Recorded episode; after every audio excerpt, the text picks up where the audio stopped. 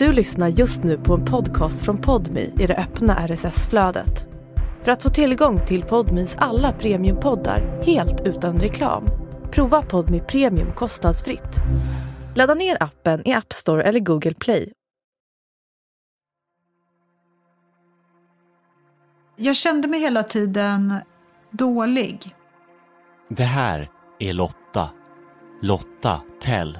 Om du visste vem jag är egentligen så skulle du inte prata med mig ens. Vi börjar en regnig kväll på en parkeringsplats i Stockholm. Det är 90-tal. Jag jobbar ju natt då. I en bil sitter 24-åriga Lotta och en kollega till henne. Båda iklädda sina gråa väktaruniformer. Jag satt i baksätet och han satt i framsätet. De ska precis gå på nattpasset. Vi fick gå med hund och köra ut folk. Ja, men narkomaner eller psykiskt sjuka och så prostituerade sådär. Lotta är en exemplarisk väktare, sköter jobbet fläckfritt. Men i bröstfickan på uniformen har hon något som skulle kunna förstöra allt. Få en att förlora jobbet, hemmet, hunden och kärleken. Lotta ser att kollegan tittar bort. Så då hade jag ett litet kuvert liksom med, med där i uniformen. Hon för handen ner i fickan och fiskar upp ett vitt kuvert. Vecklar ut det. Så stoppade jag ner ett sugrör i kuvertet och drog i mig lite bara i näsan så här. I det ögonblicket vänder sig kollegan mot Lotta. Vad såg han? Förstår han? Fan, om det här kommer fram nu. Det var ingen som visste att jag gick på heroin. Lotta lever dubbelliv som väktare och heroinmissbrukare. Det jag är rädd för är att, att jag ska bli tagen när jag handlar. Eller att någon ska se mig. Kommer hennes dubbelliv kunna fortsätta? Jag heter Hugo Lavett. I det här avsnittet berättar reporter Sara Olsson historien om Lotta Tell.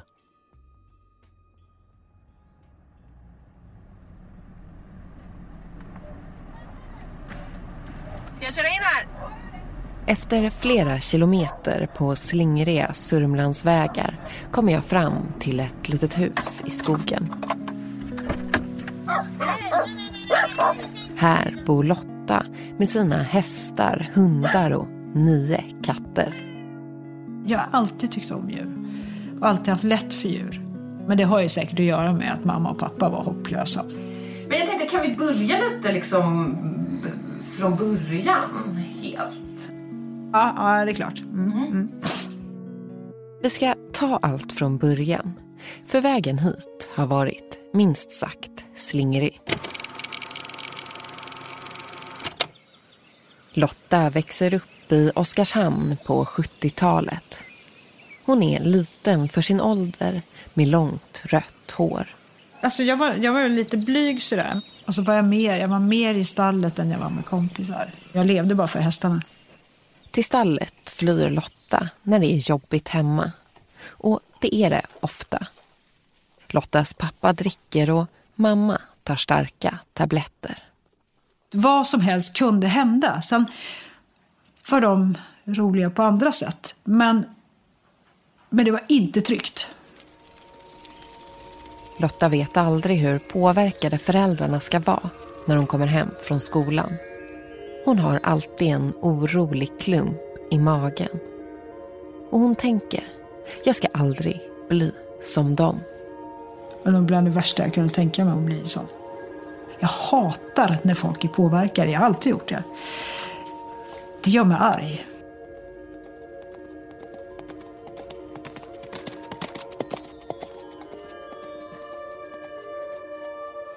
Sen dog min pappa. En sommardag när Lotta är 13 drunknar hennes pappa. Nu förändras Lottas liv. På grund av problemen hemma skickas hon från sin mamma och storebror till ett fosterhem. Där trivs hon inte. Så Lotta rymmer igen och igen. På de olika fosterhemmen träffar hon andra ungdomar som också är på flykt från någonting. Vi sitter i samma båt, vi hör ihop. Vi bryr oss om varann. Vi är rädda om varandra, fast det kan vara på jävligt tokiga vis då. Flera av hennes nya vänner testar droger. Mörkret drog. Det destruktiva drog. Det fanns egentligen redan en väldig dubbelhet redan då. För å ena sidan, ja men hästarna och det här som jag liksom ville göra och tyckte. Å andra sidan, det dåliga. Och heroin var det som var sämst. Det visste alla. Sen tjatade jag ju till mig att, att få testa bara. Det har gått ett år sedan Lottas pappa dog. Hon är 14 år och i en liten sunkig lägenhet i Stockholm med ryggen mot en badkarskant testar Lotta heroin för första gången. Det tar bort det som gör ont. Fysiskt eller psykiskt. Det hugger av de vassa kanterna. Och det är så oerhört jävla skönt. Värmen sprider sig från magen ut i kroppen. Ta bort den där orosklumpen. Världen där utanför, som var så hård, blir mjuk. Det var så här, ja men du vet, ungefär som att hitta hem.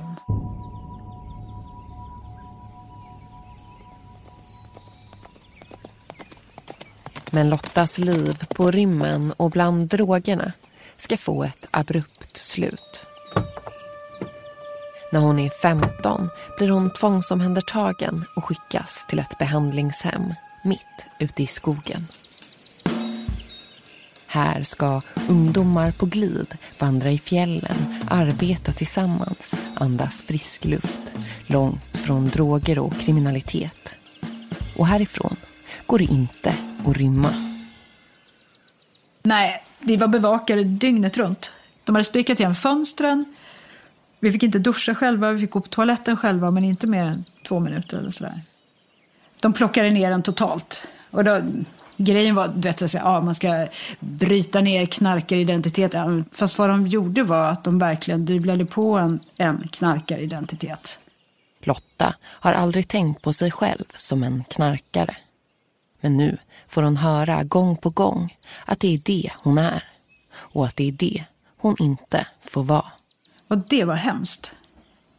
Det här att bli någon som, som man skämdes över. Det födde en skam, det där, som jag inte tror att jag hade innan.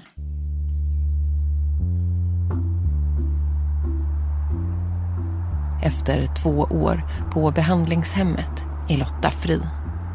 Hon är 18 år och ren. En överlevare med siktet inställt på Stockholm.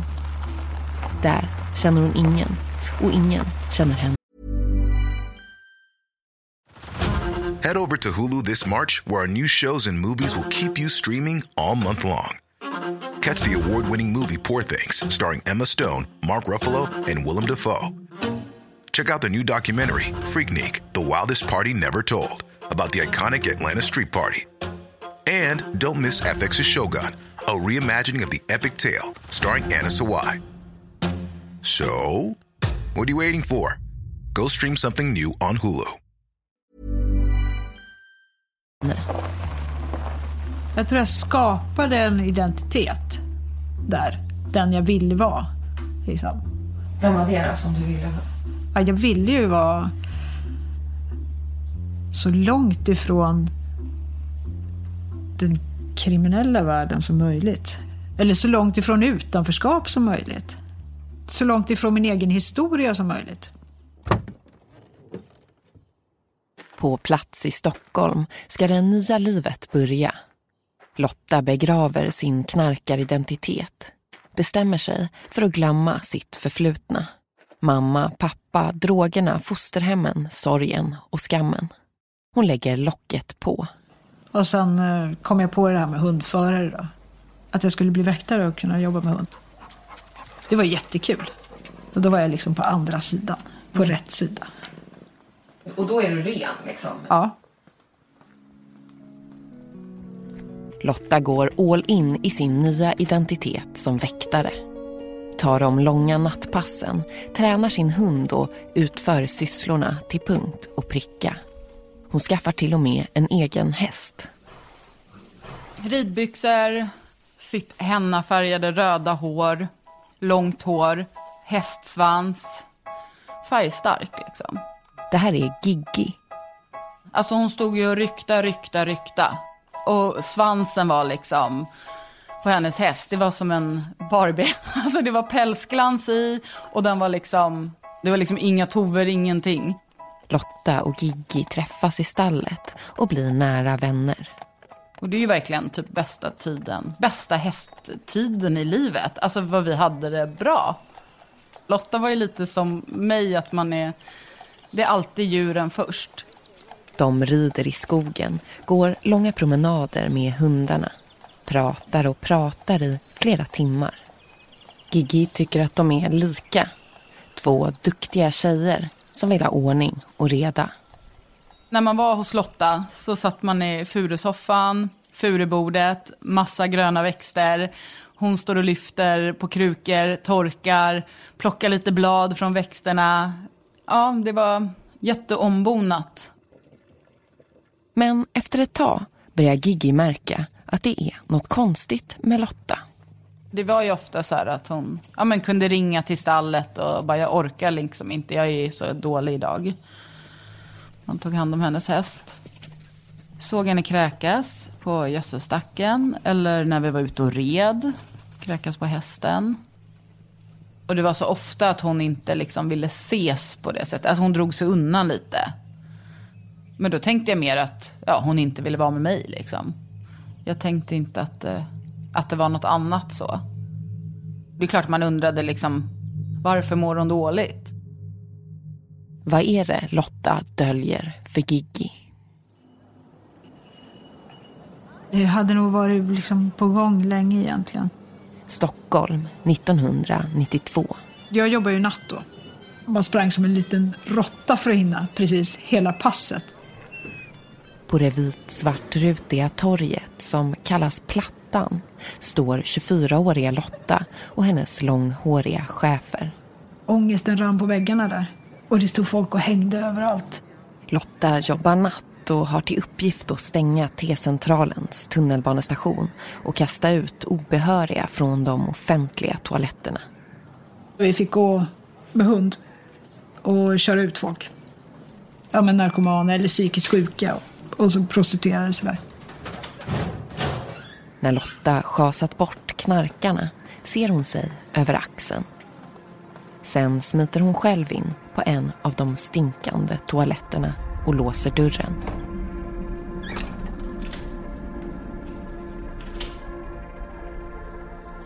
Ja, då stod jag med mina två sprutor i fickan. Liksom.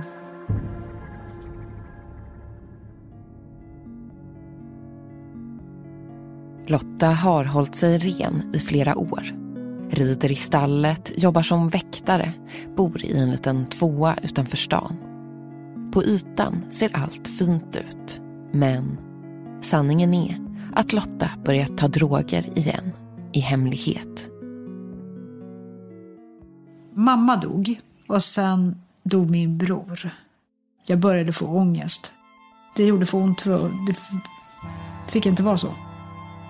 Minnena från barndomen bubblar upp trots att hon lagt locket på. Orosklumpen i magen bara växer och växer. Men Lotta vet vad som hjälper. Jag kan inte tänka mig att hela tiden leva med den här oron. Så jag började springa ner på stan, springa runt plattan, sju varv runt. Och sen därifrån. Och sen närmare och närmare. Liksom. Där fanns det alltid. Lotta dras mot plattan som en magnet. Det är där heroinet finns. Jag har världens bästa medicin där. Det tar bort det här. Först stretar hon emot. Du vet, djävulen och ängeln på varsin sida av axeln. Lite så kändes det. Hon har ju det bra nu. Ett uppstyrt liv. Jag ska inte, jag ska inte, jag ska inte. Jo, jag skiter i det. Jag gör det. Heroin-djävulen vinner.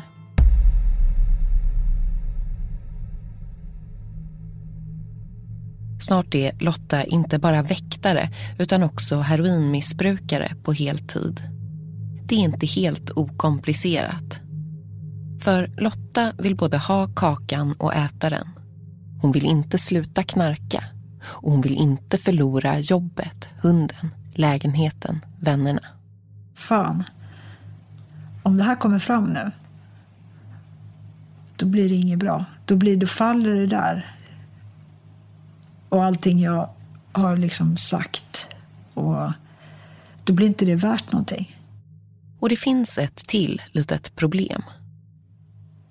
Jag var gift då. Med en polis. Och det gjorde ju saken ännu värre såklart. Så han visste ju inte om det här heller. Nu inleder Lotta sitt dubbelliv. Det var jag tvungen att göra också, för jag ville absolut inte bli av med jobbet och hunden. Och jag ville inte bli av, jag ville ha mitt liv. Hon ska leva två liv samtidigt. Ett som knarkare och ett som väktare och polisfru. Hon ska göra det så bra att ingen märker något. Se till att inte få blickarna på sig liksom. Bara vara duktig.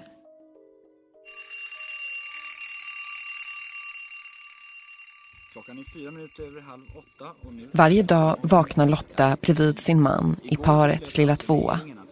Låser in sig i badrummet och skjuter heroin. Hon gör i ordning två kanyler och går till jobbet som väktare. Ja, jag behöver kanske fylla på det två gånger under, under arbetspasset.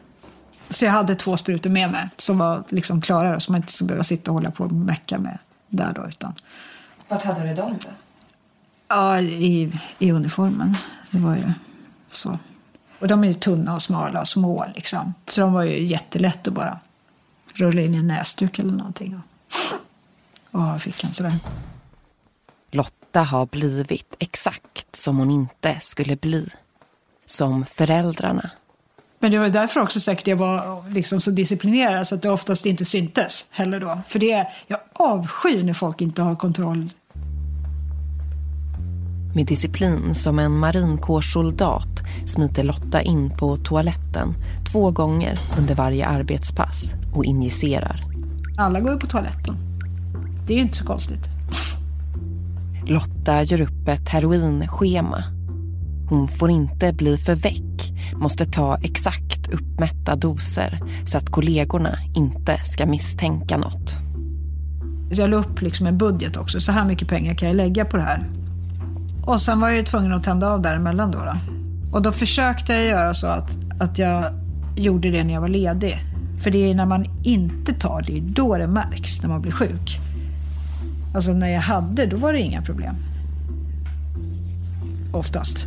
Inför de andra på vaktbolaget framstår hon som en blyg men duktig tjej. Jag tror de flesta såg mig som så oskyldig. Ja, hon rodnar om man säger puss. Eller du vet sådär.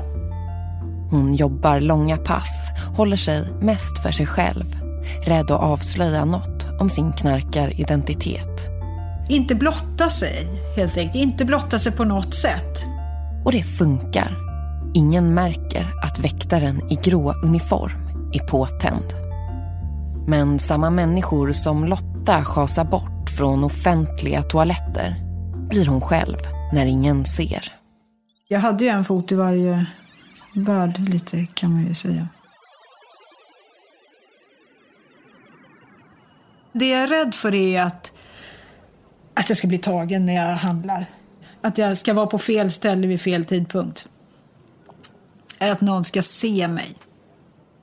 Lottas stora skräck är att de två världarna ska mötas. Hon tittar ner i marken, rädd att någon langare ska ropa hej när hon patrullerar över plattan med en kollega. Senare dyker hon upp civilklädd för att handla.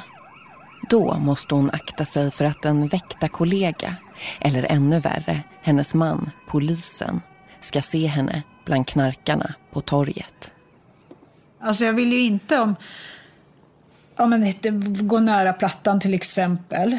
För att det här är inte stöta på folk som ska hälsa på en som man inte borde känna eller, eller säga någonting eller alltså sådär. Stan överhuvudtaget. Väktarjobbet är på många sätt den perfekta covern. Hon jobbar mycket natt, kan köra runt i bilen utan att någon undrar var hon håller hus. Hemma är diskbänken spegelblank, hästen välryktad i stallet. Ytan riktigt skiner och under den låter Lotta ingen kika in.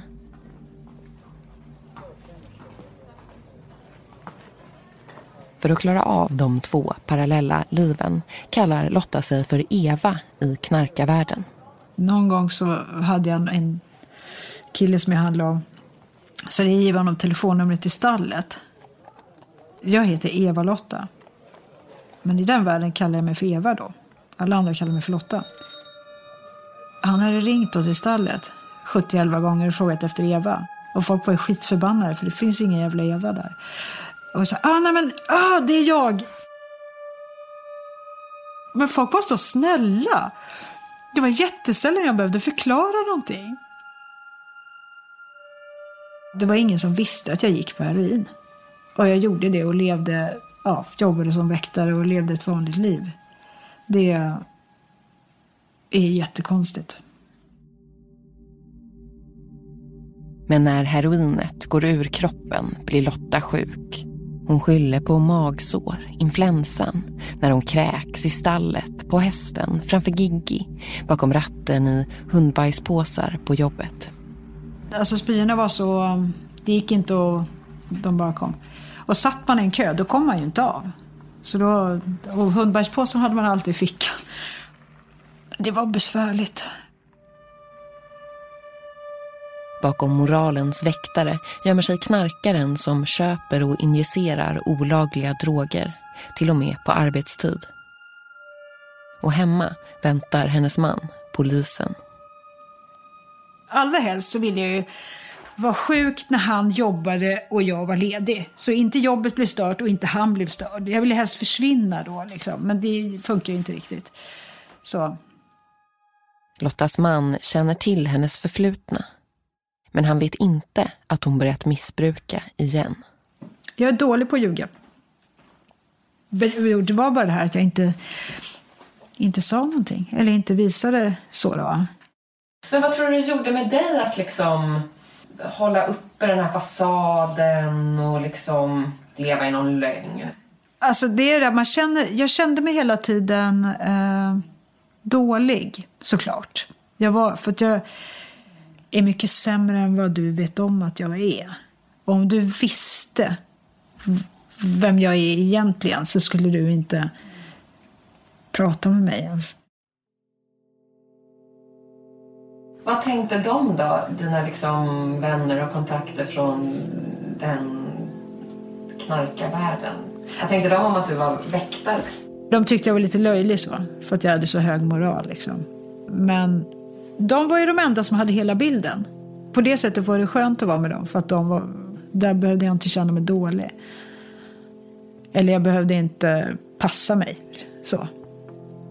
Och ibland kunde det kännas också att det alltså stundvis där, att det skulle vara skönt att bara släppa taget och gå över på andra sidan för att slippa hålla slippa hålla det här uppe, slippa slita så jäkligt liksom. Men Lotta kliver inte över på andra sidan. Hon står och velar med en fot i varje läger. Samtidigt som skulden mot allt och alla växer blir beroendet starkare och doserna högre riskerna större. Det började nog slita liksom. Då. Jag hade sämre koll. En kollega som gått en drogkurs vrålar plötsligt. Du har små pupiller! Och, och liksom pekar på sig. Och då, ja men det är sol ute, sa jag. Jag kunde ju inte säga ja. Då stod jag bara där och mm, och kände mig rutten liksom.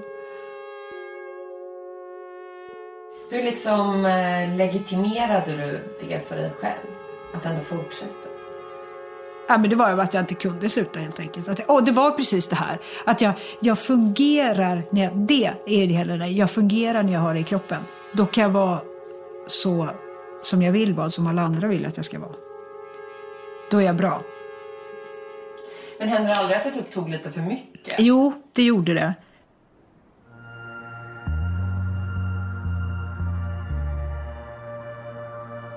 Ännu en Stockholmsnatt.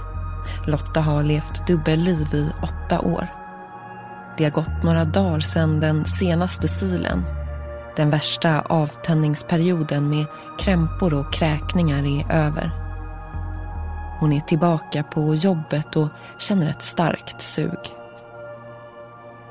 Jag hade varit utan och fortfarande var lite sjuk. Så var jag tvungen att handla då. Det första jag gjorde. Och så hade jag stämt möte i, i Rinkeby. Hon står med bilen igång på parkeringsplatsen vid torget. Spanar nervöst ut i mörkret. Så en välbekant siluett som kommer närmare.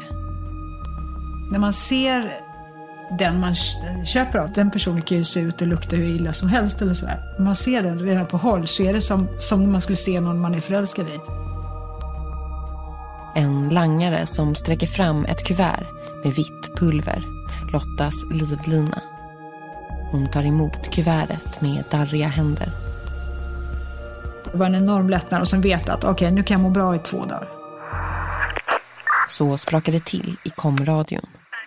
Och då så kom det ett jobb precis i närheten någonstans där.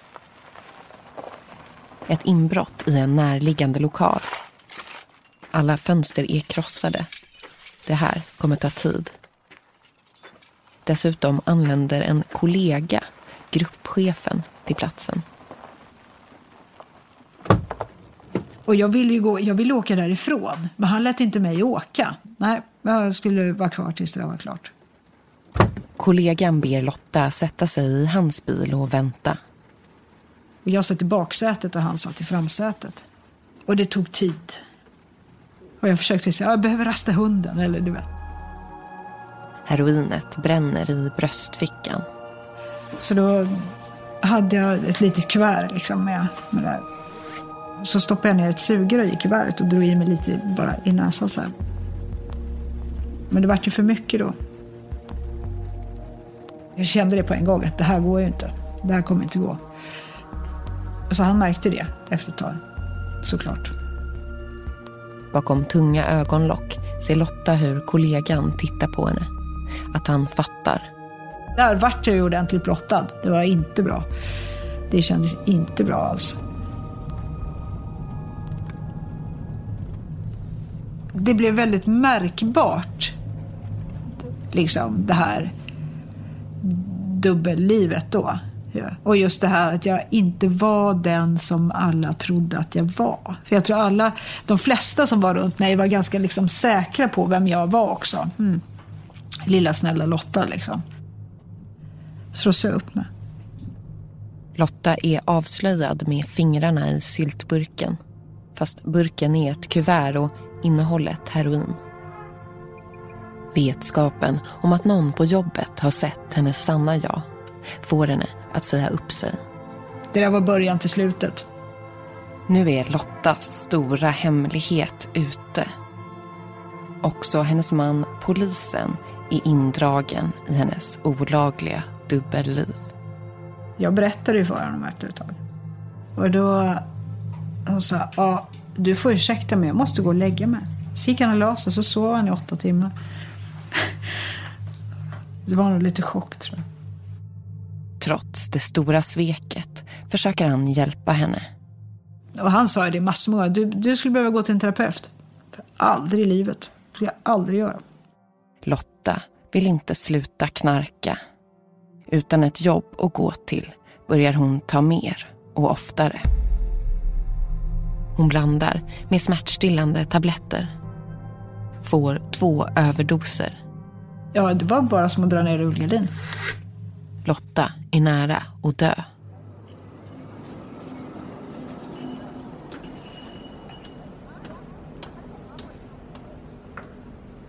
En dag strax efter Lottas andra överdos knackar en ovetande Giggi på dörren. Lottas man öppnar. Och han öppnar dörren och berättar att hon inte var hemma, liksom, att hon var inlagd. Och att hon, ja. Och då fick jag chock. Snart står det klart för Giggy att Lotta missbrukat heroin under hela deras vänskap. Att hon hade hållit på så. Men det var ju så fruktansvärt. Jag har varit ledsen liksom. Giggy tänker tillbaka på alla stunder tillsammans. Vem är Lotta egentligen? Det börjar ju klicka lite så här, men gud hon har kräkts och hållit på att tänt av och... Gud, hur kunde vi inte fatta något liksom? Hon skötte ju så snyggt. Det måste ju varit jättestressande och liksom... Ja, hela tiden komma med ursäkter och komma på vad man har sagt och vad man inte har sagt och... Ja, få allt att verka så bra liksom. För hennes man, för hennes, hans kollegor, alltså... Ja men för oss i stallet, för alla liksom.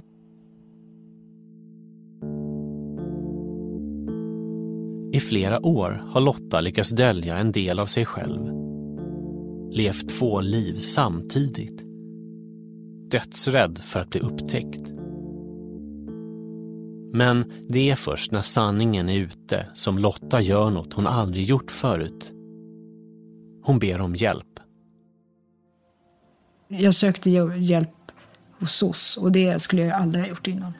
Så då började jag terapi. Och det var jättebra. Var det. Så fick jag metadon. Och det var också bra då. Och det var då du slutade? Ja. Ja. Ja, det är klart. Nu ska ju du komma och störa då. Mm. Så. Ja. Ja. Vad tror du vad som fick dig då? Att sluta? Mm. Jag behövde ju hjälp. Och den kunde jag inte ta samtidigt som jag skulle hålla upp ytan. Ja, kom här! Det, här, det är vildsvin som har bökat. Alltihop det där har vildsvinen bökat. När vi träffar Lotta är hon 53 år. Det har gått 22 år sedan hon lämnade dubbellivet. Hon och polismannen har separerat. Idag bor hon på en liten gård mitt i skogen med sin dotter och sina djur. När vi frågar kompisen Gigi om hon dömde Lotta säger hon att hon inte gjorde det. Att hon aldrig har gjort det. Livet tar vändningar liksom. Lotta är ändå Lotta. Jag är mer bekymrad över liksom att hon inte har vågat prata om det. Kanske hade det inte behövt gå så långt.